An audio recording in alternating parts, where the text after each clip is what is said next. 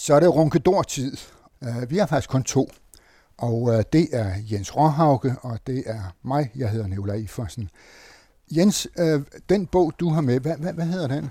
Den hedder Afvæbnet kritik. Det er Rasmus Willig, der har skrevet om vilkårene for kritik i det offentlige lige nu og her muligheden for at øve kritik og, og ja, eller og, mulig, muligheden mulighederne for og, og hvordan det bliver at blive afskåret fra kritik. Afskåret. Okay. Uh, den bog, jeg har med, den er skrevet af historikeren Paul Duedal, og den hedder Ondskabens øjne. Og uh, Ondskabens øjne, de sidder i hovedet på en fyr, der hedder, eller hed, uh, Jens Nielsen. Uh, han var nok en kedelig kal, og, og det gik ham ret ille, fordi han, uh, han blev faktisk henrettet. Han var det sidste øh, menneske i Danmark, der blev henrettet i fredstid. Altså der var jo henrettelser umiddelbart efter besættelsen. Men han var den sidste, der med øksen fik skilt hoved fra krop. Øh, og det foregik i 1892. Jens Nielsens historie er faktisk også skrevet ind i dansk pressehistorie. Fordi Henrik Kavling, politikens berømte chefredaktør og, og, og vel en af deres største reporter nogensinde, han skrev faktisk en reportage fra selve henrettelsen. Jeg vil godt lige læse op, hvad Henrik Kavle han skrev dengang i 1892 i politikken, og vi er helt inde ved der, hvor det går galt. Og det lyder sådan her. Den lyd, der hørtes, lød som når man slår en våd svamp mod en væg. Så hørte man en svagt klingende metallyd. Det var den halvtredje kvarter lange halvrunde æg, der besindigt blev trukket gennem skåret. Hovedet faldt i blikkoppen og trillede derfra videre ned i gruset. Hverken fra hovedet eller fra halspipen kom der ret meget blod. Nogle få dråber drev ned ad blokken, men udslettedes af dens røde farve. I kroppen bemærkedes ikke andre trækninger end en let rysten i fødderne, da hovedet faldt.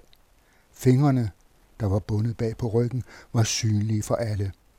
De nærmestående troede at se de to tommelfingre langsomt lukke sig og åbne sig igen som to foldeknive, men det var i hvert fald en ubetydelig bevægelse. Endnu roligere var ansigtstrækkene. Hovedet lå i gruset på venstre side med næsen nedad. Med hovedet var fuldt et stykke af kraven, samt to en kvart tomme hals. Besønderligt var det, at det næsten ikke blødte. Der var kun et par dråber blod at opdage i det gule grus. Det er fantastisk, ikke? Fordi i dag, hvor man ser EM i fodbold, der oplever man ikke ret meget, før man får det i slow motion. Og det er jo utroligt, at en journalist har kunne registrere så meget. Det er jo slow motion, det her. Men, men, men det, der egentlig er det mest øh, utrolige, det er, at Henrik Kavling har aldrig set den henrettelse. Sagen var den, at han, øh, øh, det, det var jo meget, det var, det var vidt berømt, at ham Jens Nielsen, han skulle øh, have kappet hovedet af og det foregik så i Horsens. Så øh, Henrik Havner, han tog til Horsens for at beskrive henrettelsen. Men der var jo ikke offentlig adgang, og slet ikke, og heller ikke adgang for pressen til den begivenhed. Men Henrik Kavling, han gik rundt, og så talte han med alle, han overhovedet kunne øh, tale med i byen, om Jens Nielsen og om bødlen, han hed Theodor Sejstrup, om hvem de var, og hvordan de var, og alt, hvad han overhovedet kunne skrave sammen. Og det var sådan med, med ham, der havde lavet den kiste, hvor Jens Nielsens afsjælede læge blev lagt i, hvor stor kisten var, hvad, hvad den var lavet af. Alle disse bitte små detaljer. Alt det. Og så selvfølgelig så talte han jo med folk efter henrettelsen, hvad havde de hørt? Ja, de havde altså hørt det der med en våd svamp mod en væg, der, der hovedet ryger af. Det, det er ret makabert. Men, øh, men det er faktisk et stykke fremragende øh, reportagejournalistik. Men Jens Nielsen, det er jo ham, det handler om. Jens Nielsen, øh, han var en, hvad man kunne sige, en skidt knægt. Og det var ikke uden grund. Han kom af meget fattige kår, og øh, børnene blev tævet dengang for næsten ingenting. Og øh, hans far som havde øgenavnet Forretyven, han var også skidt. Han forlod hjemmet ind imellem og væk i lang tid og vendte tilbage og var blevet straffet og sad i spjældet og jeg ved ikke hvad. Og øh, øh, Jens Nielsen slægtede faren på, han stjal, og han var meget svær at have med at gøre. Og det måtte jo så også ende på den måde, at han kom øh, på opdragelsesanstalt. Og et af de steder, han kom, der var han bare 10 år. Det var til et øh, opdragelsesanstalt, der hed Flakkebjerg. Og øh, jeg tror, øh, Jens han sidder her og nikker. Øh, har, har du været på Flakkebjerg? Ja, det har jeg faktisk, men ikke mens den var opdragelsesanstalt. men, men, men Flakkebjerg, altså i hvert fald i, i, i, i nogen, øh, der er sådan lidt voksne, husker stadig, hvad skal jeg sige, at, at det var sådan nærmest en trussel, det der med ja, Flakkebjerg. Ja, ja. Ikke? Det, det, var, det var noget af det værste. Nu, nu i dag, så, så er det vist nok Godhavn, der har overtaget. Jo, jo. Øh, det, Flakkebjerg er en øh, meget agtværdig skole nu. Ja. Det var en, en, en meget uagtværdig opdragelsesanstalt dengang i, i 1800-tallet. Han hed Møller, ham der var der, og øh, næverne sig simpelthen løst på ham. Han tævede børnene for et godt ord. Og det var altså sådan noget med, at hvis de havde gjort et eller andet galt, så var det af med blusen, og med nøgen overkrop blev de spændt fast, og så blev de simpelthen pisket. Og det var, de blev pisket til blods, og det var sådan, så de blev syge af det og blev lagt ind. Og så når de var helbredt, så, eller kom til fod igen, så skulle det ikke gå ret meget lang tid, før de fik turen en gang til. Det var så grusomt. Det var en redselsfuld behandling, øh, man gav børnene. Men det mente man var den rette måde. Altså, når man er uvåren, så er det jo nok øh, ved den faste hånd, at, øh, at man øh, bliver god igen. Der er en lille sjov ting, det er, at øh, på øh, Flakkebjerg, der mødte Jens Nielsen en mand, der hed Ole Olsen. Og Ole Olsen, ham gik det ikke helt slet så dårligt, som det gik Jens Nielsen. Han blev faktisk en af verdens helt store filmmagnater. Det var nemlig ham, der stiftede Nordisk Film. Og det er jo egentlig ret besynderligt at tænke sig, at Jens Nielsen og Ole Olsen øh, har været sammen på Flakkebjerg, og de kendte hinanden. Og det har Ole Olsen fortalt om senere. i Trosner. han har skrevet om det i sine erindringer engang. Nå, men den stakkels Jens der, han bliver så på et tidspunkt ekspederet til øh, Canada. Altså fordi så skulle, kunne man jo komme af med ham på den måde der. Det var ikke usædvanligt dengang i 1800-tallet i, alle mulige europæiske lande, at hvis øh, unge mennesker eller voksne for den sags skyld var meget kriminelle og ikke til at have, have med at gøre, så ekspederede man dem til Australien eller New Zealand eller Canada, USA. USA var nok lidt mere, lidt mere agtpågivende med, hvem de ville lukke ind. Men nogle af landene, der, der tog man jo imod dem, fordi der var brug for arbejdskraft. Og Jens Nielsen, han blev øh, ekspederet til Kanada, og det havde han det ikke særlig godt med. Han kunne ikke tale sproget, og, øh, og han gik rundt der for lud og koldt vand. Så han ville tilbage igen, og han kom faktisk tilbage igen til øh, London øh, med en, en plimsoller af, et, af et skib. Og øh, det var også øh, øh, forfærdeligt, hvad han oplevede undervejs der. Og stadigvæk med tæv og afstraffelser af en hver art. I London begyndte det at gå rigtig galt for ham. Han ernærede sig stort set alene ved at stjæle.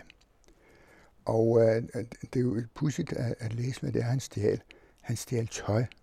Altså, han sneg sig ind i et hus, og så stjal han folks frakker og sådan noget, og så gik han hen og solgte dem til marskandisere. Og øh, det er jo mærkeligt at tænke sig, at man lige frem sådan, ja, han levede bestemt ikke på nogen stor fod, men han havde så lige nogle skillinger, så, så han kunne rute lidt med. Hvis så bare han havde øh, sparet sine øh, penge sammen fra alle de der 20 koster, sådan så han kunne etablere sig med et eller andet. Men så snart han havde penge, så blev de brugt på druk og hår. Og det er helt bogstaveligt. Han drak, og øh, han øh, øh opsøgte prostituerede. Og øh, som var I sammen med nogle venner, og i løbet af 0,5 i denne sammenhæng, det var sådan en enkelt nat, så var han simpelthen blanket af igen for øh, det, han havde stjålet sig til. I London fandt han på, at han kunne gå ind og stjæle, hvis han kunne aflede opmærksomheden nede i dokkerne. Og det kunne han jo for eksempel, hvis nu en af de der store varehuse brændte. Derfor var det jo en meget fix idé at brænde et af dem af. Og det gjorde han, og det tør nok siges, at han fik sat ild ned i dørene. Simpelthen kæmpe brænde. Og det var en metode, han kom til at, at bruge langt hen i sit liv, også da han kom tilbage til Danmark. Han øh, brændte huse af. En enkelt blev, øh, øh, blev de her ovenikøb, var der nogen, der blev brændt ihjel. Og der kan man så sige, at det var så en morbrand. Og øh, det var ikke altid, han fik noget ud af det, og han var så snedig, eller man skal sige det. Altså, når han havde sat fod til noget, så var han straks med med at assistere, sådan så han så meget uskyldig ud. Han skulle hjælpe med at slæve kommoder og den slags ting ud. Og han havde altid udset sig sådan en kommode, han kunne slæve ud. Og hvis han så lige kunne nå at åbne skufferne og tømme dem, så var det jo helt fint. Altså simpelthen en skidt knæk. I 1884, Det vil sige, da han er 22 år, der får han livsvarigt fængsel. Og han er meget, meget bitter på, på samfundet og på al øvrighed, der, der fandtes dengang. Han var simpelthen han var vred og bitter, og han følte sig dårligt behandlet. Og det må man sige, det er han jo nok også blevet dårligt behandlet. Altså, han er ikke nogen opdragelse. Der var heller ikke nogen, der gjorde noget for ham. Altså, han, man, man prøvede jo at tæve ham på plads. Så han besluttede sig for, at han ville hævne sig, og han ville slå nogen ihjel. Og det prøvede han på flere gange. Det endte faktisk med, at han, han fik en, øh, en øh, dødsdom. Men øh, nu var Christian den 9. blevet konge i Danmark, og Christian den 9. skulle altid, altså for det første skulle, øh, det var så byretten, der dømte til døden, så skulle den over for landsretten, der dømte til døden, og så skulle højesteret dømme til døden. Første gang omstødte højesteret dommen, men næste gang, hvor, hvor der så var, skulle være dødsdom igen, kongen ville ikke skrive under på dødsdom, og det skulle kongen dengang. Christian den 9. var meget stærkt imod øh, dødsstraf. Det er en meget interessant ting lige at, at, at bemærke. Til sidst går det jo sådan, at der ikke er nogen øh, kære mor. Altså, han har slået mange fangevogtere ned, fængselsbetjente, og øh, han har øh, tilvirket forskellige øh, remedier. Han kunne stikke dem ihjel med at slå dem ihjel med, med en slynge. Så i 1892, der faldt dødsdommen. Der findes et udtryk, der hedder øh, suicide by police. Det er sådan et moderne udtryk, som betyder altså selvmord ved hjælp af politiet. Og det er, at der er mennesker, som ønsker at begå selvmord, men de har så ikke hvad skal vi sige, evnen eller midlerne til at begå selvmord. Men så kan de jo gøre noget andet. De kan jo begynde at fægte med en revolver foran en politibetjent i øh, USA, øh, og så kan det jo være, at han bliver skudt. Og, og på den måde er der så en, en anden en, der har taget livet af ham. Mm. Uh, suicide by police. Og det er nok et spørgsmål om, om fordi det har uh, Jens Nielsen han har hvad skal vi sige, gået efter det at dø. Han vil væk, han vil ud af det her, men han, han vil have nogen med sig i den død. Men han så gerne, at han blev henrettet. Det, det er en meget mærkelig historie.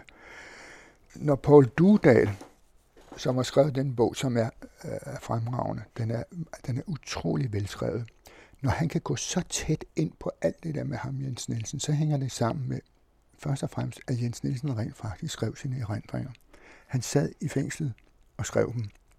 De er så i et vist omfang blevet censureret og sådan noget der. Men, men øh, uh, Paul Dudal, han, han har fået så mange ting frem, at han har kunnet sætte det sammen, og han citerer uh, Jens Nielsens egne beskrivelser. Og Jens Nielsen har faktisk ikke nogen dårlig skribent. Det, øh, han er ret god i, i sin beskrivelse af sit liv og sine gerninger, og i beskrivelsen af, af de forfærdelige forhold, han, han oplevede på opdragelseshjem og, og rundt omkring. Henrettelsen i 1892 ved øh, den meget store, og øh, han lignede godt nok også en bødel, Theodor Sejstrup. Det var som nævnt den sidste henrettelse i fredstid. Men det var også den, der rigtig for alvor satte gang i diskussionen i Danmark om dødsstraf. Og det var den, der i høj grad medvirkede til afskaffelsen af dødsstraf som faktisk først blev afskaffet mange år senere. Men den, den eksisterede altså i straffeloven, men den blev aldrig brugt. Der blev formentlig, det tør jeg ikke sige helt sikkert, men jeg mener, at der efter 1892 blev dømt flere dødsstraffe, men man øh, undlod at eksekvere den. Jeg, jeg, synes, jeg synes, der er et par ting, der rejser sig i, i det, du siger. Hvorfor øh, foregik henrettelsen i et lukket rum? Jeg har siddet og læst en børnebog, der hedder Henrettelsen, som børnebogsforfatteren eller ungdomsbogsforfatteren Jesper Funksung har skrevet om det sidste barn, der blev henrettet i Danmark, nemlig en 15-årig dreng, der blev henrettet i Svendborg. Og historien er, er lidt anderledes, fordi han var ikke nogen skidt knægt. Han var en knægt, der ville hjælpe sin syge far, der gik ild i en lade, hvor han prøvede at skabe varme, men han, han var nærmest apatisk, den her dreng, øh, ifølge overleveringen inden han skulle, skulle henrettes. Men det, der er den store forskel på den offentlige reaktion, det var, at han blev øh, henrettet ved en offentlig begivenhed. Altså øh, på titelbladet citerer Jesper Wungsung H.C. Andersen for at skrive, at i dag bliver der folkefest.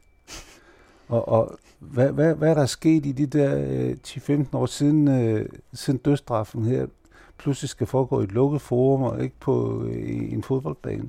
Eller på et torv? Jeg tror, at øh, det har nok haft en sammenhæng med en dødstraf, som øh, den samme Theodor Sejstrup øh, foretog, hvor han slog galt. Der skulle tre hug til. Det var meget oprørende for mm. de mennesker, der overvejede det. Altså, fordi manden, han skreg jo, ja, da, da han ja, blev ramt i skulderen ja. i stedet for uh, på halsen. Ja. Og, og, og andet hug fik ikke til hovedet helt fra. Og, og, og man mener, han lå og gispede det der hoved der. Det kan jeg lige øh, citere. Nu skal jeg lige se, det har jeg nemlig her. Han hed Anders Nielsen, kaldet Sjællanderen. Han havde knust kraniet på en svensk ikke-opkøber for at få fat i et sølvur. ja, det er utroligt. Men der er en journalist, der hedder William Fleron, der stod i forreste række, da Sejstrup han skulle foretage den. Og øh, hans reportage lyder sådan her. Skarpretteren og hans medhjælper, rakkerknægten, trådte nu frem for at fælde dødshugget. Den førstnævnte var klædt i sort kjole med tilsvarende benklæder og vest, hvid krave, hvidt slips, hvide handsker og kasket med bred guldtræsse. Morøksen, et mægtigt tungt redskab toges frem, og i det rakkeren greb fat i håret på den dødsdømte, førte Sejstrup det første hug, der forfejlede, i det huggede lemlæstede skulderen. Blodet sprøjtede i vejret og overstænkede rakkeren, der forløbet opgav at holde hovedet i hårene. De nærmestående hørte en ynkelig jamren fra det sårede slagteoffer, og mange af tilskuerne vendte hovedet bort med afsky. Øksen løftes for anden gang. Er der et galt hug? Hovedet er halvt skilt fra kroppen. Den døende gør en bevægelse med læmet. Synet er redselsfuldt. En stønnen lyder gennem mængden. I midlertid er øksen taget ud af såret. Kort efter falder det tredje slag, og hovedet ruller ned på den snedægte jord, hvorfra det ved hårene tages op af rakkerknægten, der som vor velvise lov byder, viser det offentligt frem. Så det var en offentlig henrettelse, der ja. ville noget. Ja. Det var jo vildt furor, det der. Man var dybt farvet over det. Da så Jens Nielsen bliver halshugget, for han blev jo ikke halshugget for at slå nogen ihjel. Han ja. blev halshugget for at have forsøgt det. Så man kan ovenikøbet også stille spørgsmål ved, om den var rimelig, den dom. Men ud fra øh, samtiden, så var den jo rimelig, fordi man skilte sig af med en ualmindelig besværlig mand i et fængsel. Selv i et fængsel var han besværlig. Det, der så var, kan sige sig, hvad det gode ved det, det var, at den for alvor fik rejst øh, diskussion om øh, dødsstraffen. Det var øh, betydelige mennesker i Danmark, der deltog i den diskussion, og øh, gudskelov blev den afskaffet. Det var vist nok først i 1930'erne, at dødsstraffen kom ud af den danske straffelov. Den blev så indført igen i straffelovstillæg i forbindelse med besættelsen. Så var den jo i en del år i den militære straffelov. Altså hvis man havde begået landsforræderi mm. eller den slags, så kunne man blive straffet med døden. Uh, og det blev afskaffet, jeg tror det var en gang i 1960'erne. Der findes ikke dødsstraf i mm. Danmark mere i nogen som helst lovgivning. Og gudskelov for det. Mm. Det er den mest uværdige måde at straffe et menneske på.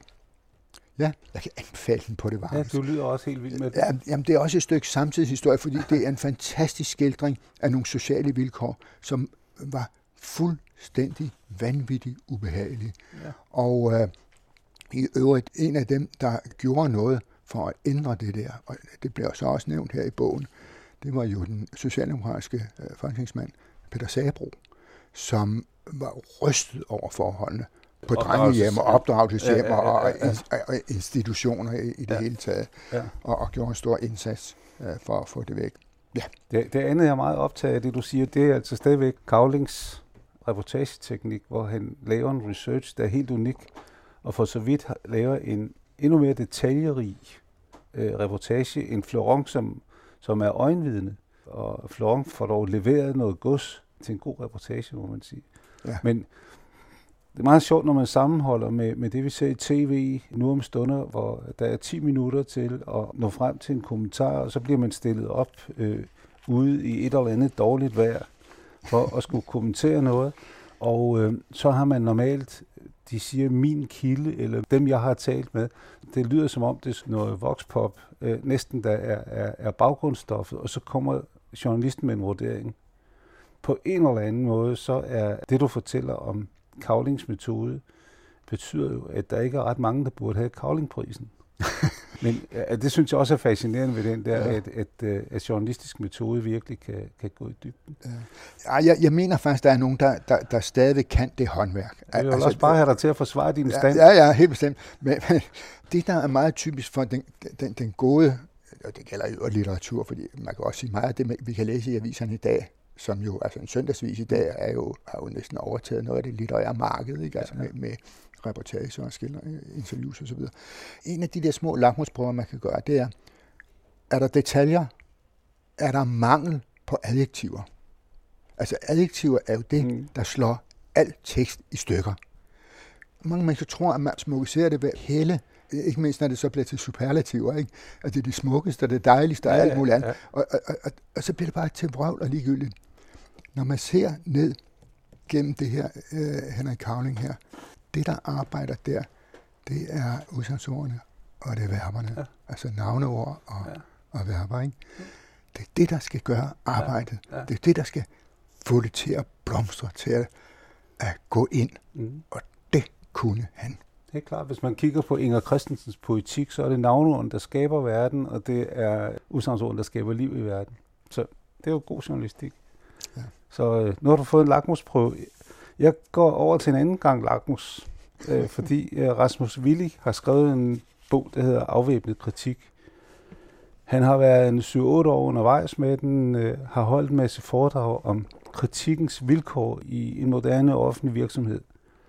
Og der har han bedt deltagerne om at give eksempler på, hvordan deres kritik er blevet afvæbnet, kan man sige, hvordan deres kritik er blevet affejet. Og i bogen, der er her 20 sider, kun med enkeltsætninger, øh, som eksempler på, hvad ledere på forskellige niveauer har sagt til medarbejdere, der øh, kommer og synes noget kunne gøres bedre, eller gerne vil have en forklaring. Det er ganske spændende, det vender jeg tilbage til. Men bogen er blevet modtaget øh, meget forskelligt. For eksempel har dekanen for Aarhus Universitetsskole, eller det der hedder Danmarks Lærerhøjskole i gamle dage, Claus Holm, han har sagt, at det her det er jo ikke forskning. Nå. Fordi han har bare spurgt øh, og, og sådan noget, men det, øh, det er ikke forskning. Det, og, og det er egentlig meget sjovt at se, hvad forskning har fået af status her i landet, fordi når jeg har læst den her bog, når jeg har talt med en masse offentligt ansatte om den, så kan det godt være, at det ikke er forskning, det er saftsus med virkelighed. Og det er jo egentlig, egentlig meget pangdang til Henrik Kavling. Henrik Kavling lavede jo ikke forskning, han lavede virkelighed, han beskrev virkelighed. Og, og det han går ind og, og, og gør her, det er altså og kigger på, på samtlige de her sætninger, som man har brugt til at imødegå kritik på, og de spænder fra, øh, at øh, jeg, jeg hører, hvad du siger, og så sker der ikke mere, og så over til, tror du, du er ansat det rigtige sted? altså, det er he, hele spektret fra sådan en repressiv tolerance til en trussel, der er dækket ind. Og nogle af dem er vældig raffinerede, og de fylder altså 20 sider, så der er mange nuancer. Der er ikke to af de sætninger, der er ens. Men fælles for dem alle sammen er, at kritikken ikke er velkommen. Fordi han kalder det selv en øh, McDonaldisering af den offentlige sektor, det der foregår. For det, der, der kræves i den offentlige sektor nu, det er effektivitet, forudsigelighed, kalkulerbarhed og kontrol. Og det er det samme, som øh, samtlige medarbejdere i McDonald's er underlagt. Og der er ikke nogen, der kan stille krav eller stille øh, kritiske spørgsmål til det, for det skal fungere. Og det, det er den der virksomhedstænkning, New Public Management, som er indført, og, og hvor man jo også ser, at flere og flere offentligt ansatte bruger lige så meget tid på og dokumentation, så det kan blive kontrolleret, som de bruger på kerneydelserne. Det, det er jo det næsten alle klager over. Men hvis der er så nogen, der får bedre idéer, eller føler sig øh, overrumplet, så er det altså, at de bliver mødt med de her sætninger. Rasmus Willig selv, han sammenligner det sprog, der bliver brugt over for, for kritikerne, med det, som øh, Victor Klemperer øh, skriver om i Lingua Terti Imperi, øh, og om det sprog, som, øh, som eksisterede i, i Nazi-Tyskland, men også i andre diktaturstater. Og viser altså, at den offentlige sektor egentlig er underlagt et centralstyret værdikompleks, som, som ikke er synderligt interesseret i kritik, fordi de, der sidder øverst, ved bedst. Det er en fantastisk analyse. Og det, der gjorde det endnu mere fantastisk, det var, da jeg sad og læste den her bog, som jeg desværre har fået som e-bog, og derfor ikke kan have fysisk foran mig. Og det er død irriterende, når man skal snakke om noget, at man har fået den på den skærm. Det er, at mens jeg sad og læste den der, så bliver øjnene trætte af at læse på skærm, og så skulle jeg se, er der ikke en god film i fjernsynet? Og så siger min kone, jo, det er der da. Der er øh, Das Leben der Anderen. Godt, så kan man lige slappe af lidt. Og på en eller anden måde kom den film til at give mig en referenceramme for at læse den her bog, fordi den handler om en stasiagent, der øh, bliver sat til at overvåge intenst en kunstnerfamilie. Og øh, han er en mønster Stasi-agent, indtil han efterhånden finder ud af, at det liv, de har, er attraktivt ud over al måde, og i stedet for så at indberette, hvad der foregår, der øh, bygger han øh, sin egen fiktion om deres liv op. En fiktion, som han, han indberetter. Og øh, det, der sker til, til sidst, det er selvfølgelig, at han bliver afsløret, men øh, også, at systemet øh, bryder sammen, og han går rundt ved, senere ved en boghandel og ser, at den kunstner, han har, den forfatter, han har skulle øh, overvåge, han har skrevet en bog, som er tilegnet den her Stasi-agent, som har reddet hans liv ved at, at skabe den her fiktion, som han har genlæst i Stasi-arkiverne. Og på en eller anden måde, så, så synes jeg, Rasmus Willigs bog kan ses i det lys, at det lykkes sgu trods alt en enkelt behjertet statsagent at gå op imod systemet. Det må også lykkes at få, få nedbrudt det uh, udanske system, som i øjeblikket præger den offentlige sektor, hvor kritik ikke er velkommen. Fordi vi har en voldsom lang tradition i Danmark for, at alle fremskridt faktisk udspringer af kritikken.